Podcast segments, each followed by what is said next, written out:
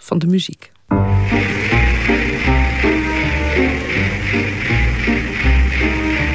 Met elkaar op de muziek, ja, dat vond ik altijd een feestelijk gebeuren. Ik heb eigenlijk mijn hele leven een, eh, een harde aanslag gehouden. Ja. Schroefers hoort in het rijtje thuis van Douwe Egberts. Als je begrijpt wat ik bedoel. Het is niet uit te roeien. Ja, we werden gewoon mooi van dat jaar. Als je uit een dorp kwam, kom een klein dorp. Het klinkt heel onaardig, maar het was natuurlijk een kippenhok. Met het al het gegiegel erbij en uh, ja, kippenhok. Nette meisjes. Niet echt uit uh, asociale families zo. Wel een beetje netjes. Nou, dat valt ook wel mee. Nou, het is toch zo? Het waren heel beschaafde meisjes. Ja. Een degelijke opleiding voor deugdelijke meisjes. 100 jaar schroevers staat bijna gelijk aan 100 jaar secretaresse. De perspresentatie, die hoi, join the club. Maar wie naar het huidige schroevers kijkt, moet constateren dat de klassieke secretaresse niet meer bestaat. Vanmiddag gaat het over evenementenorganisatie. Nou, dat was vroeger überhaupt al, denk ik, een, uh, een onderwerp wat uh, bij schroevers niet voorkwam. Want toen had je geloof ik alleen maar type en omgangsvormen, zoiets was het.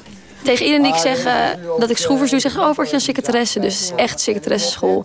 Maar dat is al lang niet meer eigenlijk. Voor mij dan in ieder geval. Helemaal niet meer, toch? Nee. Nee. Nee, ik wil ook echt geen secretaresse worden. Nee. nee. als iemand zegt, word je secretaresse? Nee, nee, nee, nee. De hele dag achter de computer lopen typen en zo. Dat hoef ik echt niet. Opdracht 3. Het maken, het organiseren van een personeelsfeest. De secretaresse van nu heeft andere taken gekregen en heet PA of office manager. Stenografie en typlessen zijn ingeruild voor... Marketing en communicatie, uh, economie, Nederlands, Spaans, bedrijfsorganisatie. Dat een beetje. Daarnaast hebben uiteraard de technologische veranderingen het vak beïnvloed. Welke social media ga je inzetten om het congres onder de aandacht te brengen? Papier is uit, maar ja, de nieuwe media vereisen. En vergemakkelijken het ook allemaal. En wat misschien nog het meest veranderd is, is het beeld van de secretaresse. Ze is de moderne carrièrevrouw geweest, maar ook de onderdrukte typniep. Maar ondanks die wisselingen is Schroevers altijd overeind gebleven. Het was wel een zeer uh, gerenommeerd instituut. Het stond hoog aangeschreven bij het bedrijfsleven. Weet je, iedereen kent het ook. Als je al zegt Schroevers, dan is het van... oh, zo'n opleiding. Oh, ja, dat is wel goed. Als je bij Schroevers zou gaan werken... dan zou je zeker uh, ervan uit kunnen gaan... dat je later een goede baan kreeg. En dat is iets wat je denkt de hele geschiedenis van schroefers uh, blijft zien. Historica en hoogleraar Gender Studies Francisca de Haan deed onderzoek naar de ontwikkeling van vrouwen op de kantoorvloer. Twee leuke meisjes, geloof ik. In haar boek laat ze een reclame van schroefers uit de jaren twintig zien. Nou, die is ook uit de, uit de allereerste periode. Hè. Wij zijn voor kantoor opgeleid. En dan zie je twee hele leuke goed geklede jonge vrouwen die, ja, die blij de wereld in kijken.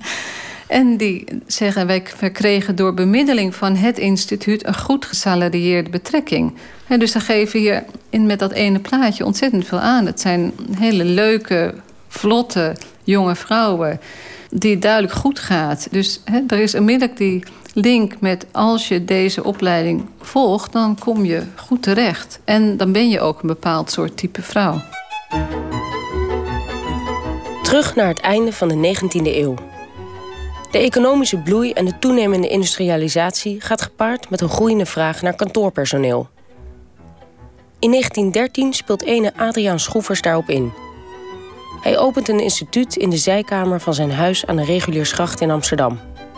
In eerste instantie biedt hij een algemene opleiding voor kantoorpersoneel.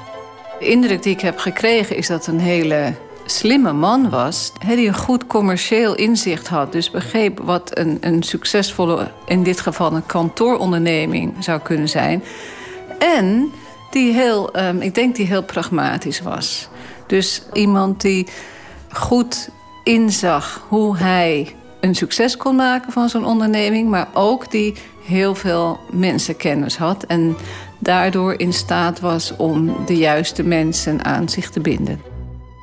In het begin is de opleiding nog niet specifiek voor meisjes. Dus de eerste eh, advertenties spreken over hij of zij. Het is nog niet meteen een nadruk op vrouwen. Totdat de secretaressenopleiding in 1925 van start gaat. Vrouwen hadden eh, kiesrecht gekregen in, in Nederland en in veel andere landen. Dus er was een heel duidelijke tendens in, in het denken en, en ook in, in, in, in de zin van concrete veranderingen. Dat vrouwen zelfstandiger werden, meer kansen kregen. Dankzij het harde werken in, in, in veel opzichten van de vrouwenbeweging. En er was ook een, inderdaad een groeiende middenklasse. Meisjes of jonge vrouwen hadden betere opleidingen. Dus er was op heel veel manieren behoefte aan meer kansen, meer mogelijkheden voor vrouwen op de arbeidsmarkt. En er, was ook, er waren natuurlijk ook allerlei culturele veranderingen. Dit was ook de tijd van de moderne vrouw. Want de mode werd, werd vlotter, moderne muziek, jazz, auto's, en, meer um, commercie, meer consumptie. Dus op allerlei manieren veranderde het leven van de, zeker van de middenklasse in de jaren 20. En dit is een onderdeel daarvan. Office buildings and office workers are a familiar sight in every city and town. So is the office secretary. That alert, efficient person who plays such a vital role in the world of business. Secretaresse was een modern beroep. Je kunt het niet anders zeggen. Werken op kantoor was modern. En zeker wel, en dan de secretaresse was een vlotte, moderne vrouw. This is Jean Carroll. Her day begins at 9 o'clock. And she's at her desk on time. Promptness, neatness, orderliness. In her first minute, Jean has displayed these attributes of a good secretary. Bij dat moderne leven hoorden zeker ook Hollywoodfilms. En hè, hoe je er als moderne vrouw uitzag, werd in belangrijke mate misschien niet bepaald door Hollywoodfilms of filmsterren. Maar in ieder geval waren zij hè, wereldwijd hele belangrijke voorbeelden en idolen.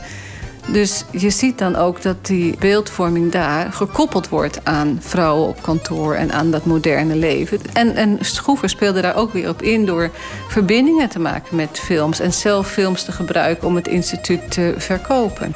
With her place of business in order, she helps to organize the day for herself and her employer by referring to her invaluable calendar pad. And from it typing up the daily appointment sheet dus op allerlei mogelijke manieren werd het idee van wat is modern en moderne techniek, moderne eh, transportmiddelen, vliegtuigen, auto's, de radio, alles werd ingezet om schroevers te koppelen aan modern, vlot, nieuw, interessant. En glamour. Glamour, heel goed. Dat is een belangrijk woord hier. Die glamourstatus van secretaresse wordt in de jaren 20, 30 en 40 steeds groter. Die cultuur in de klas, die, die tintelde. Het was echt een openbaring. Het is, zo, het is een heel dom woord, openbaring, maar het was het wel. Wilde Vos uit Spijkenisse komt in 1948 bij Schroevers terecht. Samen met Connie van Toledo volgt ze de opleiding voor stenotypisten. En dan staat hier stenografie. Dan had je 150 lettergrepen per minuut. Dat zou ik nu echt niet meer halen. En je deed het dan in Nederlands, Frans, Duits en Engels. Schroevers heeft de kleine voorkamer op de Reguliersgracht inmiddels al lang vervangen voor een groot statig pand aan de Van Baarlestraat. En in de jaren daarna waren er meerdere vestigingen gekomen. Zo ook in Rotterdam. Het was een modern gebouw in een chique straat, de Mattenesselaan. En dat maakt al indruk met die grote glazen pui we kwamen dus van een eiland met een trammetje Rotterdam binnen. Maar naderde te voet het centrum van de stad... dan was er dat enerverende gedreun van heiblokken. Het was een teken van wederopbouw van Rotterdam. En toen je dus in het instituut Schroevers... het was een transformatie van schoolmeisje tot jongvolwassene... dan ehm, kreeg je gewoon een, een swoon van... ik wil meedoen aan die wederopbouw van die stad. Dat was zo nieuw, hè? Wil en Connie komen uit goede middenklasse gezinnen. Maar op Schroevers ontmoeten ze meisjes uit andere milieus. Het was gewoon een klas van niveau. Er zaten nou, nogal wat meisjes uit uh, betere kringen, zoals uh, Een meisje kan ik me nog herinneren. Was, de vader was kapitein. En die had verkering, heette dat. Met een adelborst. Nou, dat was voor ons natuurlijk zeer interessant.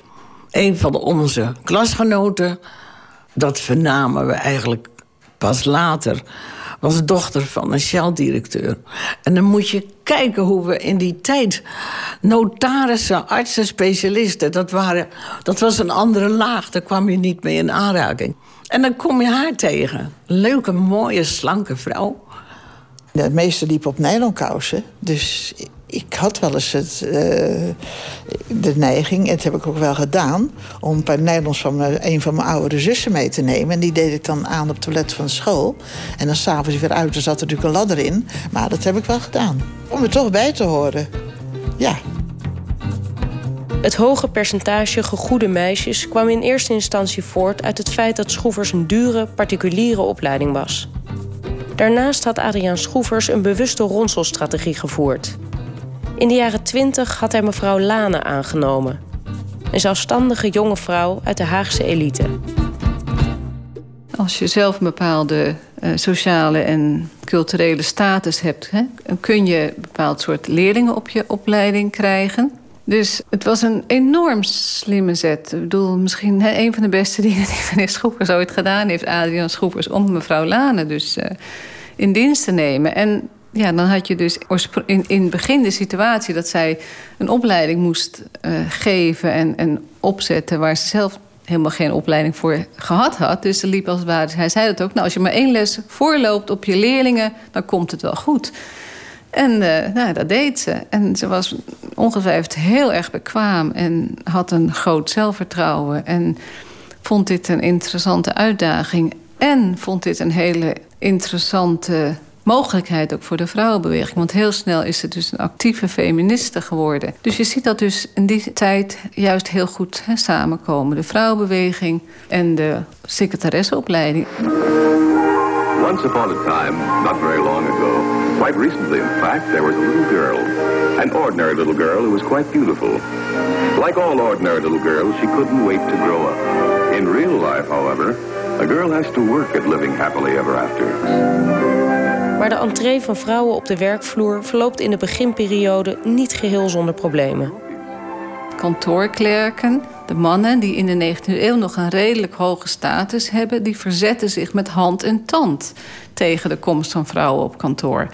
En die vinden dat een toename van het aantal vrouwen op kantoor laat staan vrouwen die hun werk zouden gaan doen, dat dat een, een, een, een verlaging van hun eigen status betekent. Dus vanuit die hoek is er veel verzet. Omgekeerd zijn er vanuit de vrouwenbeweging dus heel actieve pogingen om dat werk te claimen voor vrouwen. Om te zeggen: kijk, daar heb je echt geen speerkracht voor nodig. Dat is een, een standaard argument waarom mannen dingen beter zouden, bepaald werk beter zouden kunnen. Dat is, dat is niet zwaar. Dat kunnen vrouwen heel goed. Vrouwen zijn slim, betrouwbaar. Dit is werk waar vrouwen juist heel goed in zijn. Dus die argumenten worden aan beide kanten ingezet. En dat blijft eigenlijk zo. Ja, hè, de kwestie van is dit mannelijk, is dit vrouwelijk, welke status heeft dat, blijft een rol spelen. Het was de leerlingen verboden om met een lange broek te komen. Het was niet vrouwelijk. Oud-directeur van Schroevers Den Haag, Henk de Gruiter, begint in 1963 als docent Nederlands bij het instituut. Er werd gespeeld op representativiteit. Je moest er goed uitzien als een visitekaartje van het bedrijf. En het bedrijf in die jaren zag niet graag een secretaresse rondschouwen met zwarte lipstick en, en, en een spijkerbroek. Waren hele leuke vaak, ja, ja. Uh, misschien een beetje parelkettingje achter, hoor. Dat wel, denk ik. Een beetje tuttig, denk ik. Uh, nou ja, een beetje wat bij parelkettingjes hoort. In diezelfde periode doet Paula Veenhoven de opleiding tot directiesecretaresse. Ik was zelf niet zo, maar ik kon me aardig aanpassen. Er was een sfeer van goede organisatie met een uh, ijzeren discipline. En er was weinig flexibiliteit in programma, in rooster, in omgang met elkaar. Het was, uh, ja, het was heel strikt. Een herexamen in een enkel vak wordt slechts bij hoger uitzondering onderstreept toegestaan. En dan, ja, ja, absentisme wordt bijzonder kwalijk genomen onderstreept. Vanaf het begin worden er duidelijke eisen gesteld aan de secretaresse. In de berichtgeving door de jaren heen blijven een aantal ideale eigenschappen steeds terugkomen. Francisca de Haan toont een artikel uit het vakblad Administratieve Arbeid uit 1937. Waaraan behoort een goede privésecretaresse te voldoen? Kennelijk vond men dat bij instituut Schroever zo'n goed artikel... dat het letterlijk werd overgenomen voor hun eigen opleiding. En dan zie je dus dat de secretaresse omschreven werd als droomfunctie van ieder meisje in zaken. De secretaresse moest over de volgende eigenschappen beschikken. Goodwill and understanding are part of her personality, part of her job. Daarnaast was de eerste eis voor een goed secretaresse een intelligent begrijpen van mensen en dingen. Consideration for others is an important factor in good office manners. Men moest de spelling foutloos beheersen. Men moest een goede stijl hebben.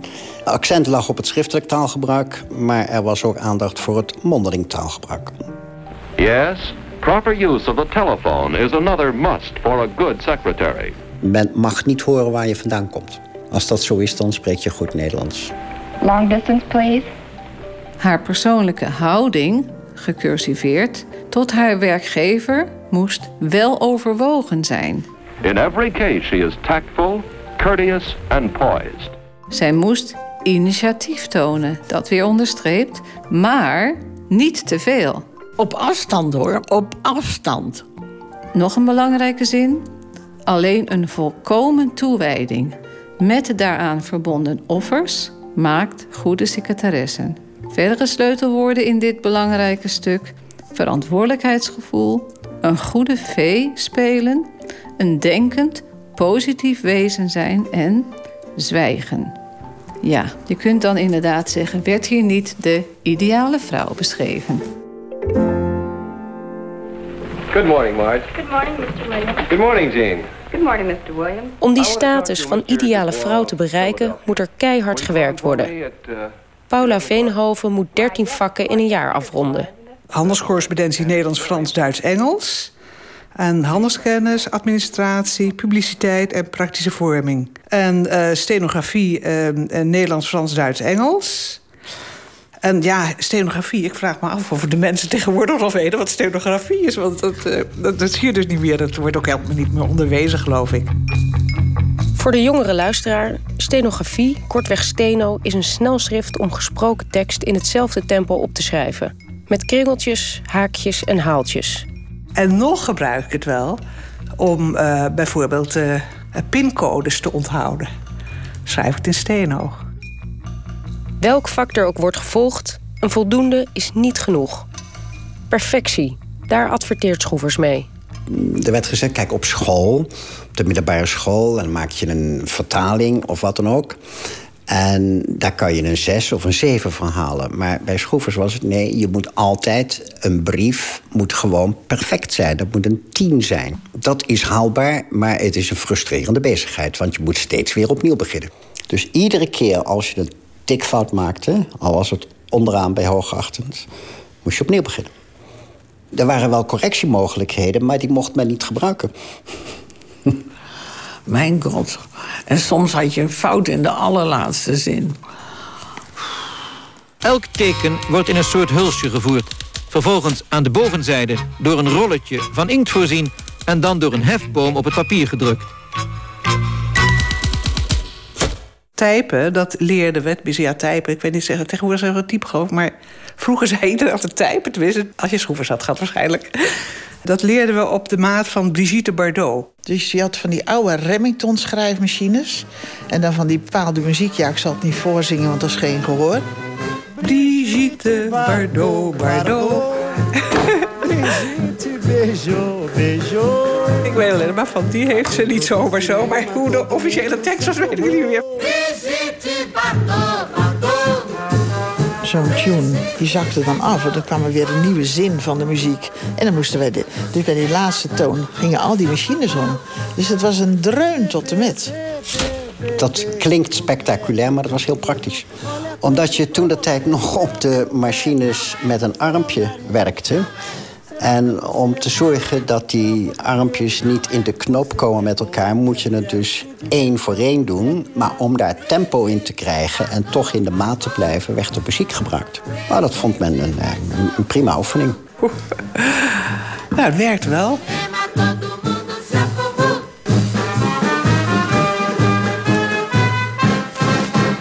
U zit toch thuis? Vindt u het huishouden nog fijn? Nou, niet zo leuk, maar ja... precies. En daar zijn we nou tegen. Nou, maar het moet u gedaan worden? En, en er moet toch gekookt worden? Maar uw man kan toch ook helpen? U kunt het toch samen doen? Waar, waarom zou u Ah, alleen nee, dat doen? flauwekul. De jaren 70 breken aan. De periode van de tweede feministische golf. Behalve de kamermuziekgroep Het Uitstrijkje... trad in het Vondelpark ook dit tweetal op... onder de naam The Shit Sisters. Waar de secretaresse in de jaren 20 nog staat voor de moderne werkende vrouw, wordt ze in de jaren 70 en 80 het symbool van onderdrukking en ongelijkwaardigheid. Dan krijg je die slogan van opzij op een gegeven moment: secretaresse en feminisme, een onmogelijke combinatie. Daar werd toen eh, erg boos op gereageerd toen ik zei dat ik uh, secretaresse toch een uh, functie vond die wel erg dienend was. Al dus Siska Dresselhuis, oud-hoofdredactrice van Opzij. Het was per definitie een dienende functie. je, moest, je maakte, als secretaresse maakte je het werk van je baas mogelijk. Op zich zaten daar, denk ik, heel erg veel interessante en, en, en moeilijke kanten aan. Maar dat neemt niet weg dat die standaard hiërarchie man-vrouw, man de baas, vrouw, de echtgenote, de, de dienende vrouw, dat dat hier structureel in zat. Er is niet zoveel mis mee, behalve dat het behalve dienende beroepen ook uh, wat ik dan maar noem eindberoepen zijn. Um, je komt er eigenlijk nooit mee verder, je komt er nooit mee aan de top. En dan krijgen we altijd natuurlijk het prachtige voorbeeld van Sylvia Toot die van haar secretaressenschap een beursgenoteerd bedrijf heeft gemaakt. En dat heeft ze verkocht en ze is nu vele malen miljonair. Oké, dat is een uitzondering. Volgens de actievoerende vrouwen is de secretaresse bovendien overgeleverd aan de grillen van de onaantastbare baas. Directiesecretaresse Paula Veenhoven herkent dat beeld wel enigszins. Hij was echt de absolute alleenheerser. En iedereen zit er wel voor hem. Ja, zo was het wel. En daarbij hoort uiteraard ook machtsmisbruik. Je krijgt inderdaad ook de ontdekking van het aanwezig zijn overal en zeker op de werkvloer van seksuele intimidatie. Een keer, uh, ik was dus begin twintig ongeveer, ging ik mee naar een, uh, een dinertje uh, met een uh, zakenrelatie, Franse zakenrelatie. En na afloop bracht mijn baas mij naar huis. Althans, hij vergezelde mij in de, in de taxi. We zaten dus allebei op de achterbank. En op een gegeven moment sloeg hij zijn arm om me heen. En zijn arm ging een beetje lager. Zijn hand ging zo een beetje lager. En toen schudde ik zo met mijn schouder schudde ik hem af. En toen zei ik, laten we dat maar niet doen dat zo'n oude man zich dreigde te vergrijpen aan zo'n jong meisje. En ook dat het uh, aloude cliché van directeur en secretaresse... ja, dat was dus mijn waarheid. Nou, ik vond het zo stijloos, verschrikkelijk. Ik vond het ook erg lastig om daar mijn houding tegenover te bepalen. En dit wordt dan natuurlijk ook in dat kader geplaatst. De hele context van vrouwen die ondergeschikt zijn... en die er netjes of mooi uit moeten zien. Die zeker niet alleen um, bepaalde technische en inhoudelijke werkzaamheden verrichten, maar die er ook een symboolfunctie hebben. Hun, door hun aanwezigheid, door bepaalde dingen die ze doen, moeten ze laten zien dat er een mannelijke baas is en zijn status verhogen.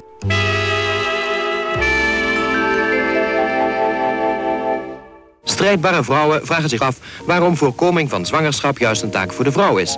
En of het wel zo vanzelfsprekend is dat er op de kantoren geen mannelijke typisten zijn. Het zijn altijd vrouwen gebleven en de mannelijke secretaresses hebben we eigenlijk nooit gekregen. Af en toe had je er eens één, nou die stond dan ook met veren en met een strik om zijn kop stond hij in het secretaressenblad geïnterviewd. Maar het is nooit een baan geworden waar mannen op vielen en dat vind ik dan een beetje een veeg teken. Het kwam een enkele keer voor dat er een jongen tussen het grote gezelschap meisjes verkeerde. Maar dat was uh, niet altijd een succes. Waarom was dat geen succes? Omdat het ongebruikelijk was. Bovendien had je in de taal een probleem, want een secretaris is wezenlijk wat anders dan een secretaresse. Nou, we moeten toch laten zien dat we hier geweest zijn en dat wij ook... Maar terwijl de vrouwen buiten actie staan te voeren, blijft het binnen bij Schroevers rustig. Het was geen thema. Dat was eigenlijk meer de buitenwereld die dat vond. Maar niet de directeur en niet de secretaresse. En de leerlingen zelf vonden het ook geen thema. Ik had geen behoefte om me daarbij aan te sluiten. Uh, ik was genoeg geëmancipeerd. Zelfstandig, zelfbewust. Dus ik uh, vond het voor mezelf niet nodig. Je moet niet vergeten dat de meesten kwamen toch wel uit de gegoede families. Die hadden daar geen behoefte aan. Voor de meisjes die naar schroevers gaan... blijft vooral de aloude garantie belangrijk. Een goed betaalde baan. In die jaren dat ik nu aan het werk ben... heb ik ooit eens een keer zes maanden aan één geen werk gehad, geloof ik. En voor de rest heb ik altijd gewerkt. Dat geldt ook voor de laatste secretaresse in dit verhaal. Karin Ipes, die nog steeds in functie is. Ik heb in de olieindustrie gezeten, heb veel in de financiële wereld gedaan. Ik ben in een advocatenkantoor gewerkt. Werving en selectie heb ik nog gezeten. Ik heb bij een vastgoed gewerkt. Supermarkt, keten. Ben in het buitenland heb ik gezeten. Productschappen heb ik gezeten. Nou ja, van alles en nog wat. Begin jaren 80 rond ze de opleiding voor Europees secretaresse af. Een nieuwe richting binnen Schroevers. De Remington typemachines en de platenspelers zijn dan inmiddels al afgevoerd. Toen bij mijn eerste baan had ik meteen al een Renk Xerox typemachine met een geheugen van één pagina. Wauw. En uh, dat heb ik, dat denk ik, nou, drie jaar of zoiets mee gewerkt. En toen al heel snel naar een tekstverwerker. Maar die kon ook alleen maar tekstverwerken. En een telex, dat heb ik zeker nog meegewerkt. Kopieerapparaten waarbij je het origineel in een plastic velletje moest doen en dan er doorheen halen. Eh, dus de technologie is hetgene wat misschien nog wel het meeste veranderd is van alles.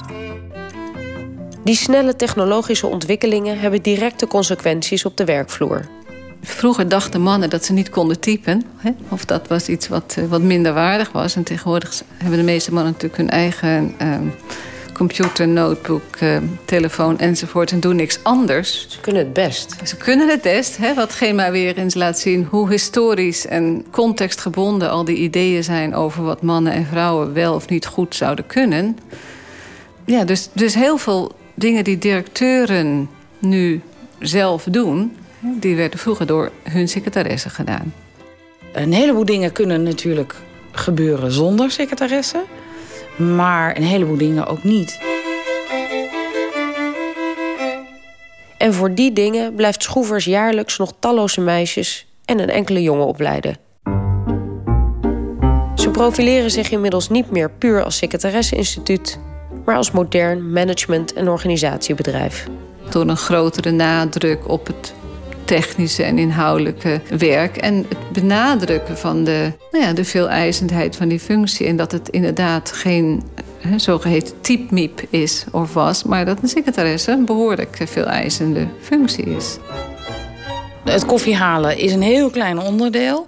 Wat veel belangrijker is, is dat je moet weten wat speelt er. Omdat je met name moet anticiperen. En ik denk dat dat een, uh, misschien een typisch vrouwelijke kwaliteit is. Alert, personable, efficient. Our secretary leaves at the end of the day with a sense of accomplishment and of pride in her contribution to the world of business, in which she plays such an important part.